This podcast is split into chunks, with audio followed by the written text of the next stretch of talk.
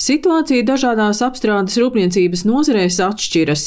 Janvārī visstraujāk par 30% samazinājās ķīmiskās rūpniecības un poligrāfijas ražošanas apjomi, par 20% samazinājās nemetālisko minerālu apjoms. Ekonomikas ministrijas analītikas dienesta vadītāja Dace Zīle stāsta, kurai rūpniecības jomai janvārī pat izdevies apjomus dubultot. Es noteikti gribu izcelt datoru, elektronisko un optisko iekārtu ražošanu. Nozare gan apstrādes rūpniecībā ir relatīvi neliela, taču viņi ir uzrādījusi 48% plusā.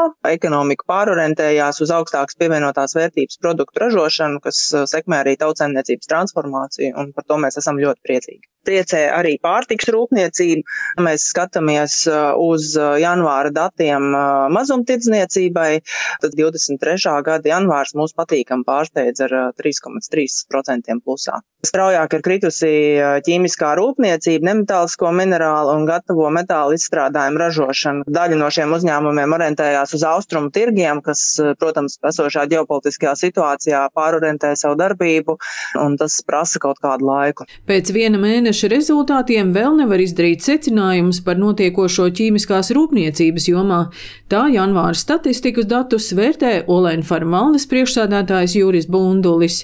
Uzņēmums šobrīd pārorientējas uz jauniem tirgiem, un šis process nav ne ātrs, ne vienkāršs. Es gribētu teikt, ka Olaņa farma šobrīd ir nostājies uz tādas stabilas attīstības ceļa. Mūsu jaunie akcionāri saprot nozari, viņi ir gatavi investēt jaunu produktu izstrādē, jaunu tirgu apgūšanā. Tā kā mēs ejam attīstības ceļu un skatāmies ļoti optimistiski uz priekšu. Piemēram, februārī jau mums pret pagājušo gadu ir pieaugums.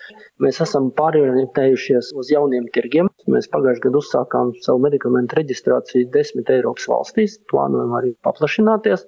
Reģistrācija aizņem, protams, zināmu laiku pēc likumdošanas 210 dienas, nu parasti līdz gadam tas ir. Tā kā uz gada beigām mēs varētu runāt jau arī par darbības uzsākšanu jaunos tirgos, lai diversificētu visus riskus, jo nu, Šis laiks nav vienkāršs, protams. Es domāju, ka nozarei kopumā ir ļoti labas perspektīvas, jo Latvija ir vienīgā no Baltijas valstīm, kur ir saglabājusies nacionālā farmācijas industrija. Latvijas bankas ekonomiste Agnese Rutkovska uzsver, ka apstrādes rūpniecības kopējos skaitļus ietekmējis arī lielais apjoma kritums kokapstrādē. Kopš eh, Krievijas uzsāktā kara Ukrainā un tam sekojošajām sankcijām Eiropa pārpildīja drošības nolūkos pilnas noliktavas ar kokmateriāliem, un attiecīgi kādā brīdī šo krājumu dēļ ļoti strauji bremzējās pieprasījums.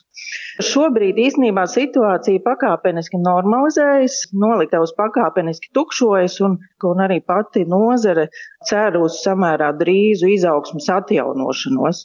Un katrā ziņā kopumā apstrādes rūpniecība faktiski turās ļoti pat eh, cienījamās pozīcijās šobrīd.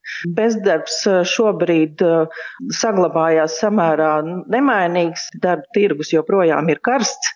Jā, protams, ir kādi uzņēmumi, kādas nozares, kurā klājas sliktāk, bet par tādu visaptverošu kā tendenci bezdarba pieaugumu mēs šobrīd īsti runāt nevaram.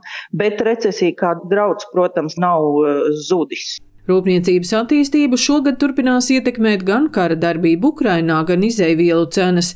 Tāpat uzņēmumiem būs jāturpina meklēt jaunas piegāžu ķēdes un jauni tirgi, bet nelielu izaugsmi 1% apmērā iespējams varam sagaidīt gada beigās. Daina Zalamane, Latvijas radio.